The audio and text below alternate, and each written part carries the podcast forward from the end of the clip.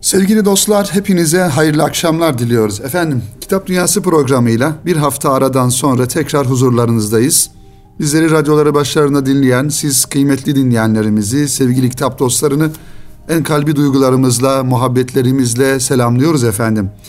Kıymetli dinleyenlerimiz, sizler için hazırlamış olduğumuz yine birbirinden güzel kitapları inşallah bize ayrılan süre içerisinde takdim etmeye çalışacağız. Dilimizin döndüğünce bu kitapları ve muhtevalarını ve bu anlamdaki düşüncelerimizi inşallah sizlerle paylaşmaya çalışacağız. Efendim geçtiğimiz hafta da e, duyurusunu yapmış olduğumuz birkaç kitap vardı.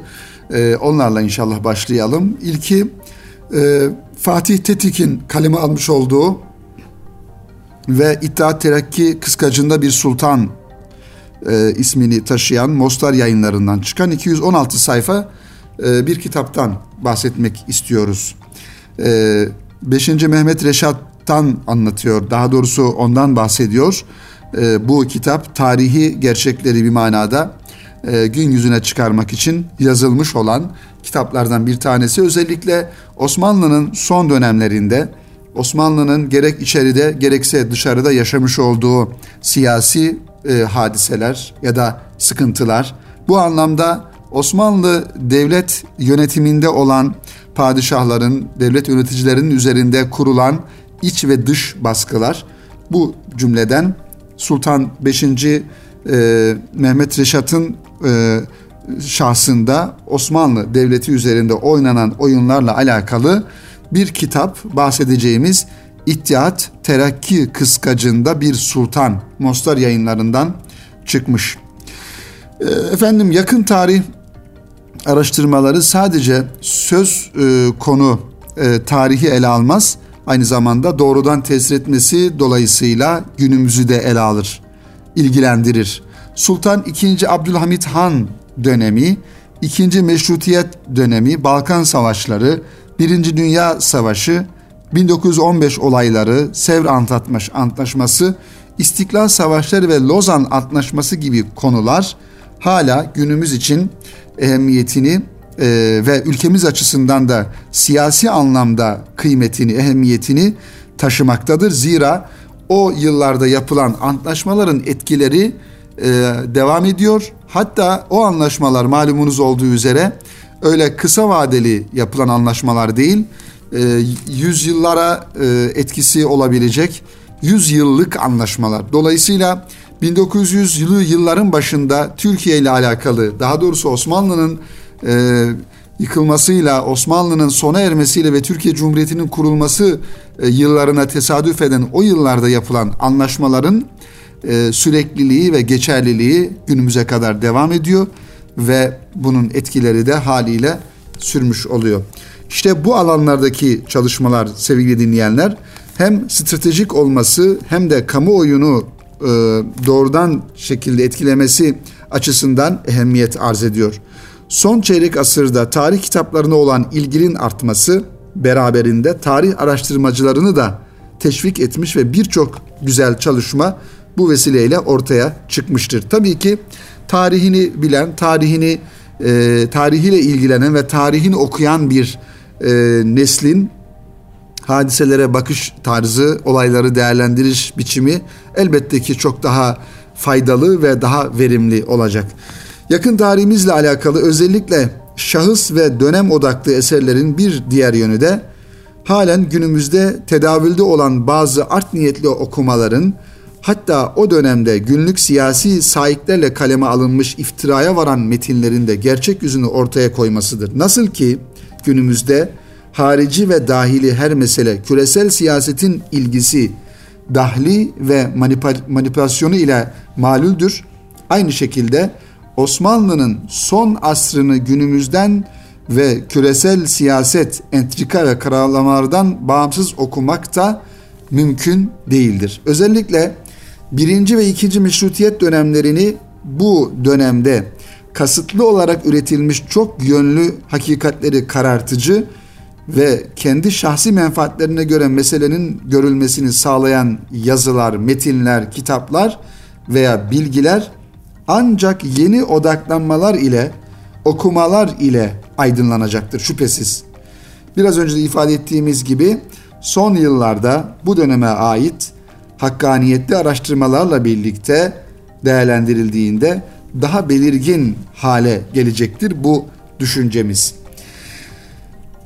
Zaman zaman e, programımızda da ifade ediyoruz sevgili dinleyenler. E, malumunuz olduğu üzere bir resmi tarih, yazılmış olan bir resmi tarih söz konusu, bir de gayri resmi tarih söz konusu.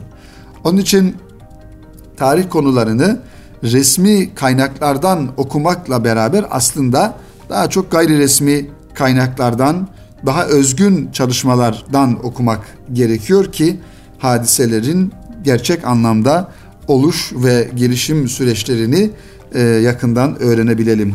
Dolayısıyla bahsetmiş olduğumuz bu eserlerin hep birlikte böyle bir gözle de okunma ihtiyacı vardır.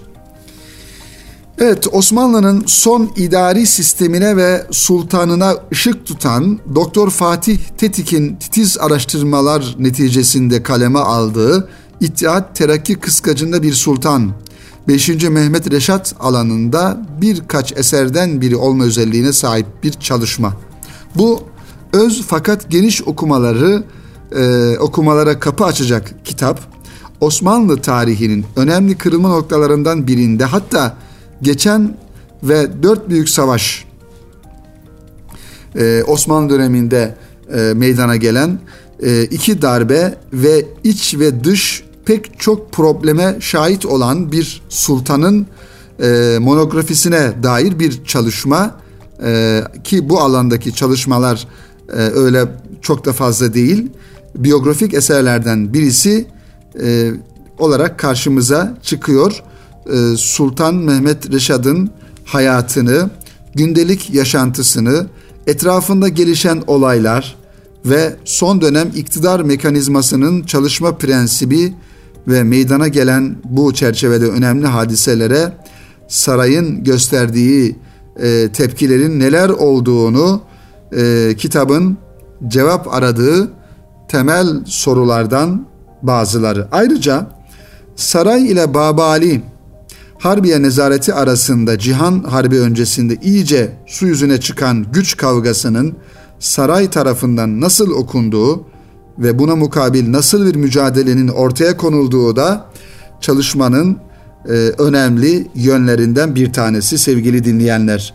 Bunlara ilaveten kıymetli dinleyenlerimiz Sultan Mehmet Reşad'ın merkeze Reşad'ı merkeze alan bu eser geç bir yaşta tahta geçen padişahın gelişen olayları nasıl gördüğü, ne tür bir iktidar anlayışına sahip olduğu, Dolmabahçe Sarayı'nın imparatorluğun sona doğru gittiği süreçte karar alma mekanizmasında ne şekilde rol oynadığı meselelerine de cevap arayarak daha çok İttihat Terakki güdümünde kalmış son dönem tarih anlayışına alternatif bir okuma sunmayı hedefliyor. Mostar yayınlarından çıkan Fatih Tetik imzasını taşıyan İttihat Terakki kıskacında bir sultan sevgili dinleyenler.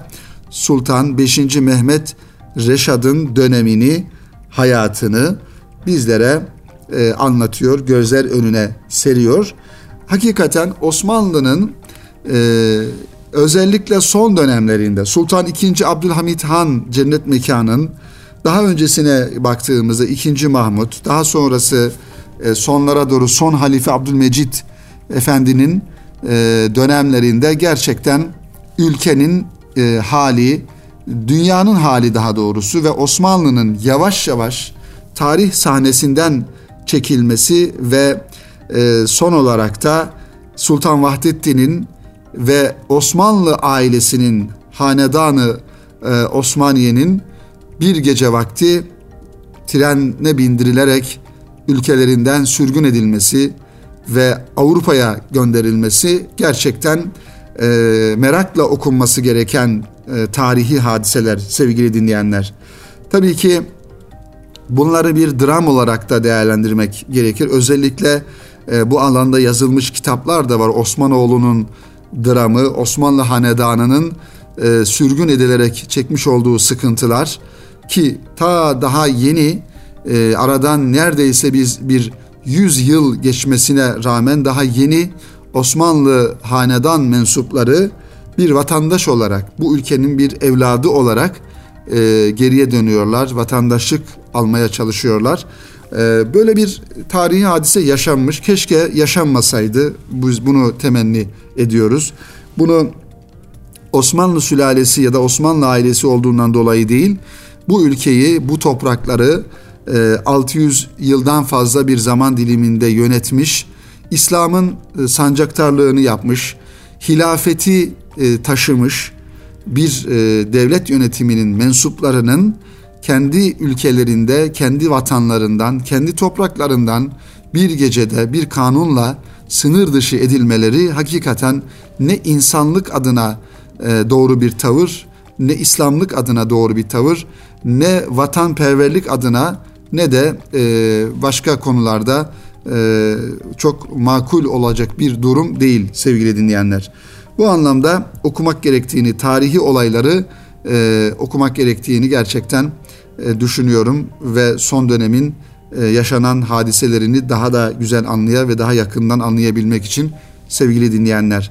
Sultan Vahdettin Han'ın mezarı Suriye'de malumunuz ve Avrupa'da yaşamış e, diğer Osmanlı hanedanı mensupları gibi ve bakkala borcu olduğundan dolayı naaşı bir yönüyle haczedilmiş ve günlerce cenazesi defnedilememiş Sultan Vahdettin Han'ın ve birçok Osmanlı ailesinin mensupları o yıllarda ki bu insanlar e, okumuş insanlar, kültürlü insanlar, belli eğitimler almışlar ve sarayda yetişmişler.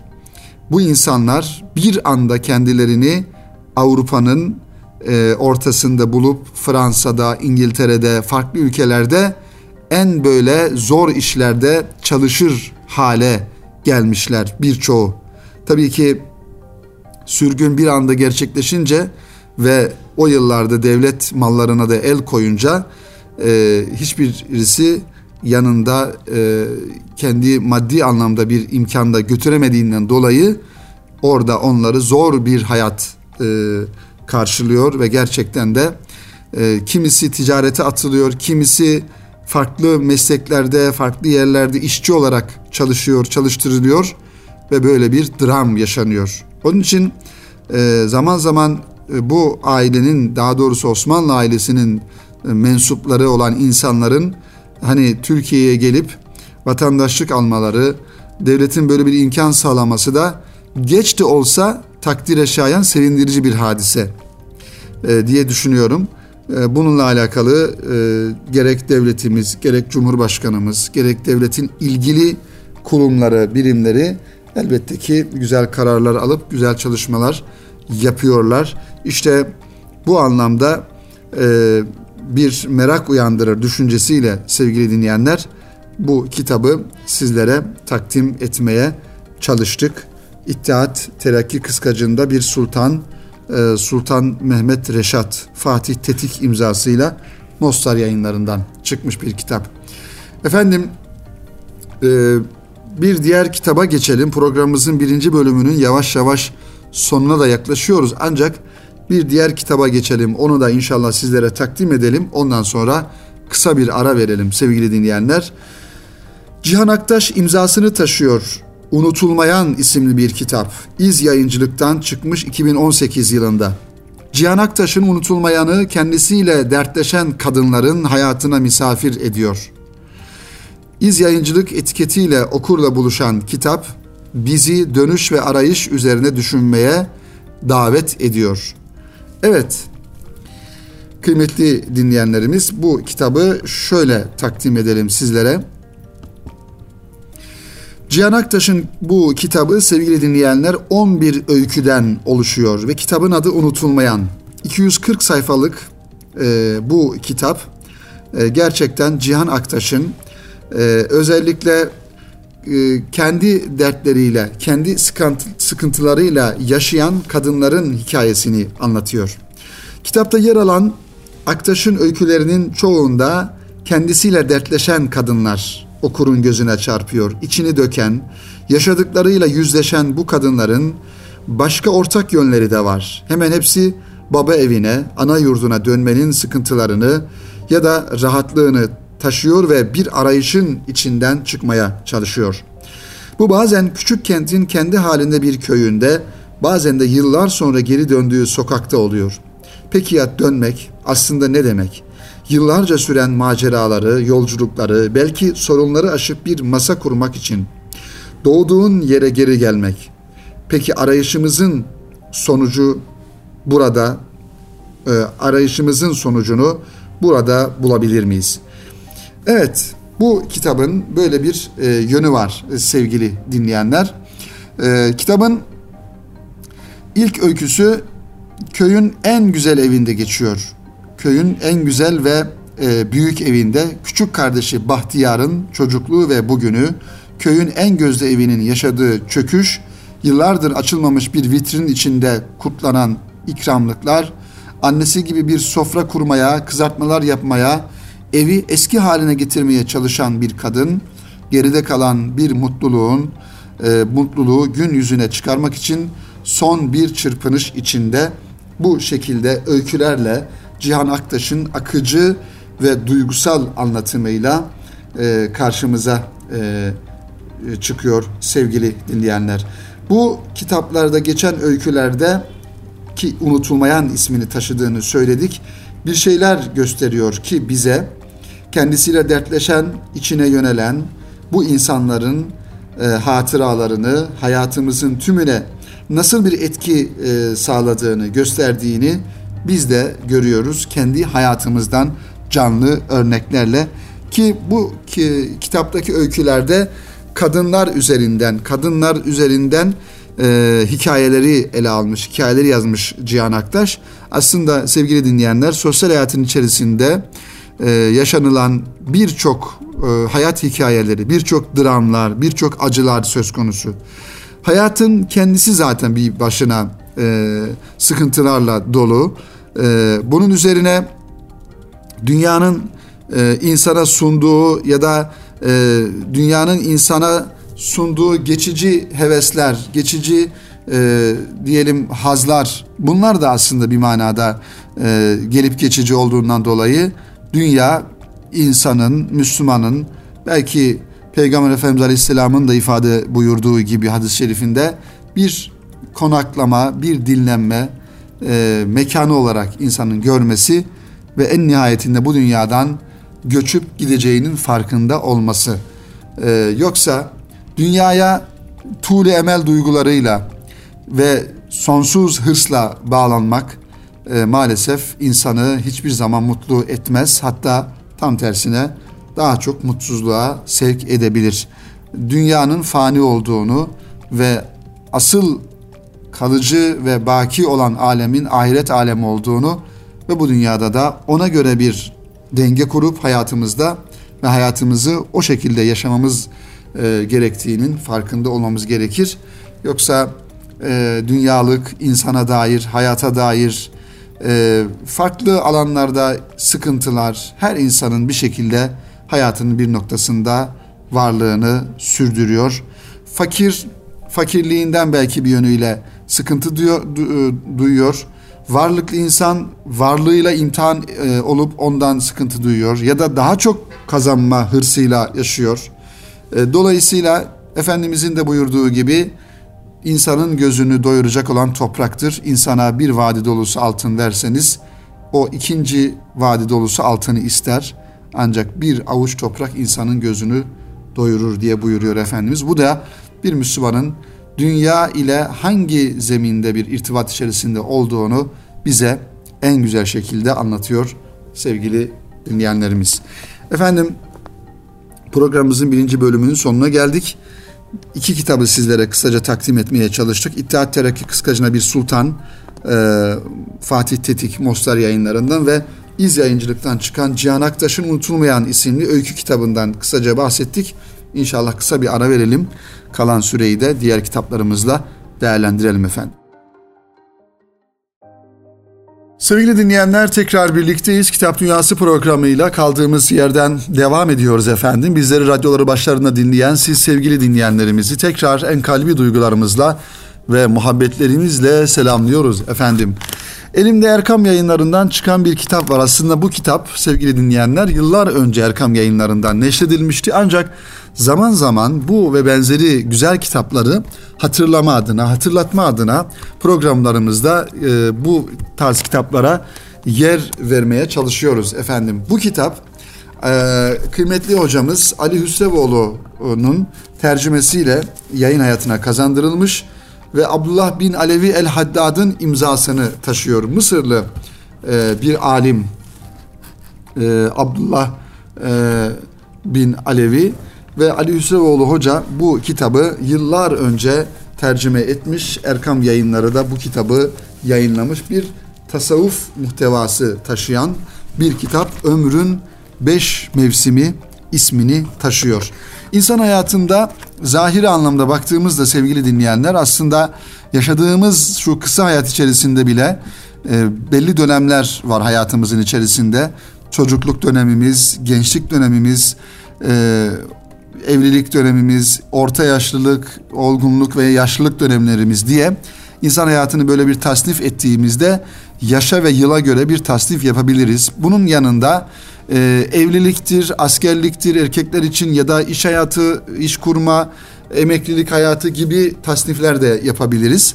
Ancak bir de e, ömrün beş mevsimi diye buradaki e, muhterem üsta yazarın e, ifade ettiği bir tasnif var. Bunlara inşallah kısaca e, bakalım, sizlere anlatmaya çalışalım e, bu kitaptan. Efendim birinci ömür diyor ki insan hayatının başlaması.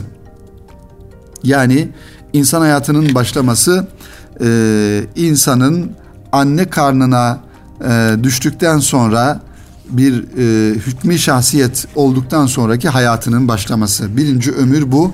Bu dönemdeki e, durumları anlatıyor ve alt başlık olarak da ümmeti Muhammed'in vasıflarını anlatıyor kitabımızın e, 24. sayfasında. Peygamber Efendimiz Aleyhisselam'a ümmet olma şerefine nail olan e, bir ümmetin vasıfları nasıl olması gerekir? E, aziz ümmet değil mi? Öyle ta- tarif ediyor. E, aziz ümmet Kur'an-ı Kerim'de Peygamber Efendimizin ümmetini aziz ümmet olarak e, tarif ediyor kıymetli dinleyenlerimiz.